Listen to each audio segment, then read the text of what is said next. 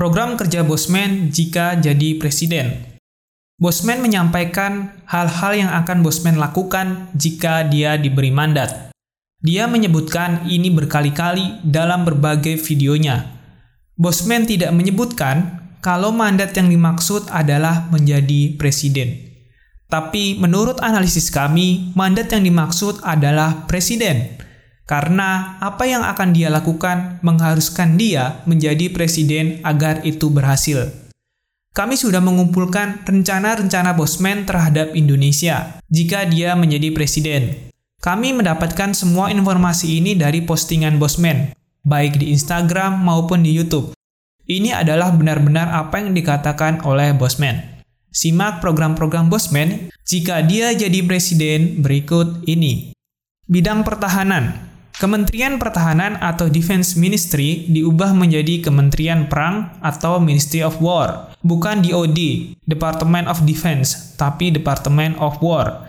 Menteri Perangnya sangar, jabatan di bawahnya ada Panglima TNI dan Kapolri. Menteri itu adalah jabatan politik, Panglima TNI dan Kapolri jabatan operasional. Trident Trisula ini akan jadi kekuatan diplomatik yang sangat disegani di ASEAN dan wilayah Indo-Pasifik. Dalam hal intelijen negara, akan dibangun CIA-nya Indonesia di bawah Kementerian Pertahanan ini.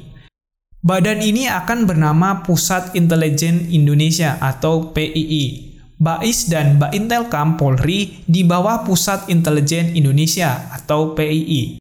BIN adalah FBI-nya Indonesia, usernya presiden. Artinya di bawah perintah langsung presiden. PII dan BIN keduanya bertemu di NSC, National Security Defense Council versi Indonesia. Man in Black-nya versi Indonesia. Jadi semua satu suara, satu arah, seiring sejalan Indonesia berdaulat. Itu adalah hal-hal yang akan dibenahi Bosman dalam bidang pertahanan dan keamanan negara. Selanjutnya, dalam bidang energi, dengan sumber daya alam yaitu thorium, kita bangun reaktor thorium untuk PLTN atau pembangkit listrik tenaga nuklir. Listrik tenaga nuklir berbahan baku thorium 10.000 MW di Kepulauan Bangka Belitung. Di mana listriknya ini diberikan ke Singapura dan Malaysia 60 persennya dengan harga sangat murah. Mengapa kita akan menjual listrik murah ke Singapura dan Malaysia? Kita ingin Singapura membuka semua dokumen bank rekening warga Indonesia di Singapura.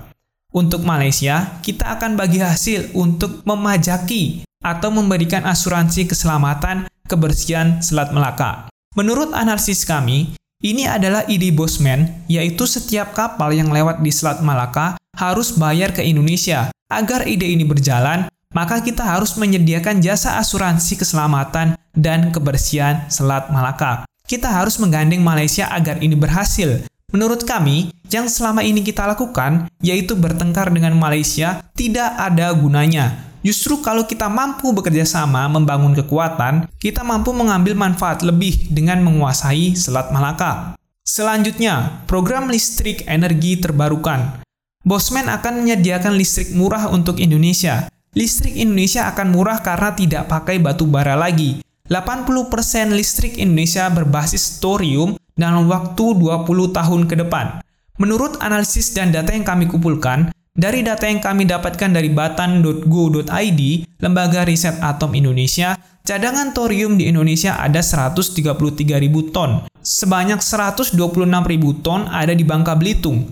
Sebenarnya, thorium ini adalah produk sampingan ketika menambang timah. Itulah kenapa tidak boleh mengekspor hasil tambang yang masih mentah. Harus dikelola dulu di Indonesia agar mineral berharga tidak dicuri. Jangan sampai kita kecolongan thorium.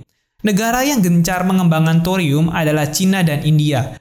Menurut Batan, butuh 15-20 tahun lagi thorium untuk bisa dikomersialisasikan atau bisa diproduksi sebagai energi listrik.